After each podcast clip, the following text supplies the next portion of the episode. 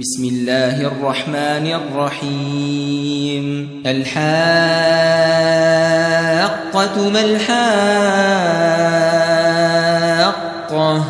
وما أدراك ما الحاقة. كذبت ثمود وعاد بالقارعة فأما ثمود فأهلكوا بالطاغية وأما عاد فأهلكوا, فأهلكوا بريح صرصر عاتية. سخرها عليهم سبع ليال وثمانية أيام حسوما. فترى القوم فيها صرعا كأنهم أعجاز نخل خاوية.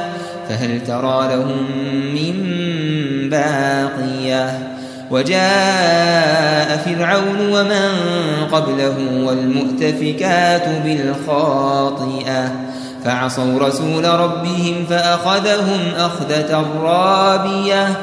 إنا لما طغى الماء حملناكم في الجارية. لنجعلها لكم تذكرة وتعيها أذن واعية.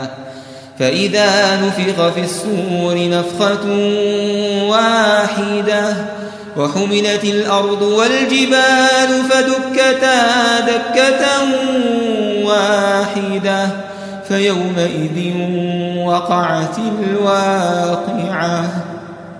وانشقت السماء فهي يومئذ واهية. والملك على أرجائها ويحمل عرش ربك فوقهم ويحمل عرش ربك فوقهم يومئذ ثمانية.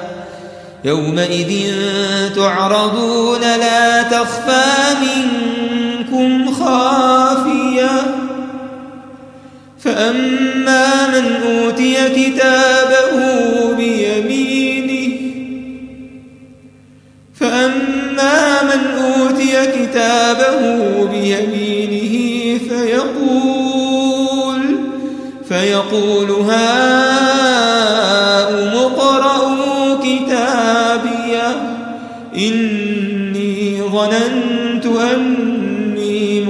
ملاق حسابية فهو في عيشة راضية في جنة عالية قطوفها دانية كلوا واشربوا هنيئا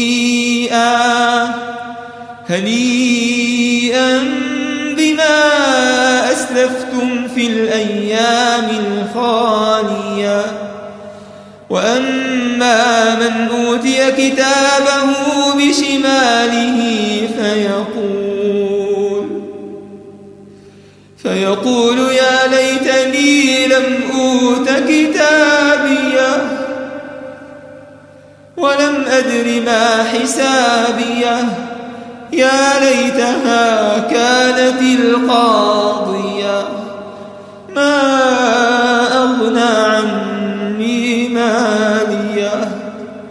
هلك عني سلطانية. خذوه فغلوه ثم الجحيم صلوه. ثم في سلسلة ذرعها سبعون ذراعا فاسلكوه. إنه كان لا يؤمن بالله العظيم ولا يحض على طعام المسكين فليس له اليوم هاهنا حميم ولا طعام إلا من غسلين لا يأكله إلا الخاطئون فلا أقسم بما تبصرون وما لا تبصرون إنه لقول رسول كريم وما هو بقول شاعر قليلا ما تؤمنون ولا بقول كاهن قليلا ما تذكرون تنزيل من رب العالمين ولو تقول علينا بعض الأقاويل لأخذنا منه باليمين ثم لقطعنا منه الوتين فما منكم من أحد عنه حاجزين وإنه لتذكرة للمتقين وإنا لنعلم أن منكم مكذبين وإنه لحسرة على الكافرين وإنه لحق اليقين فسبح باسم ربك العظيم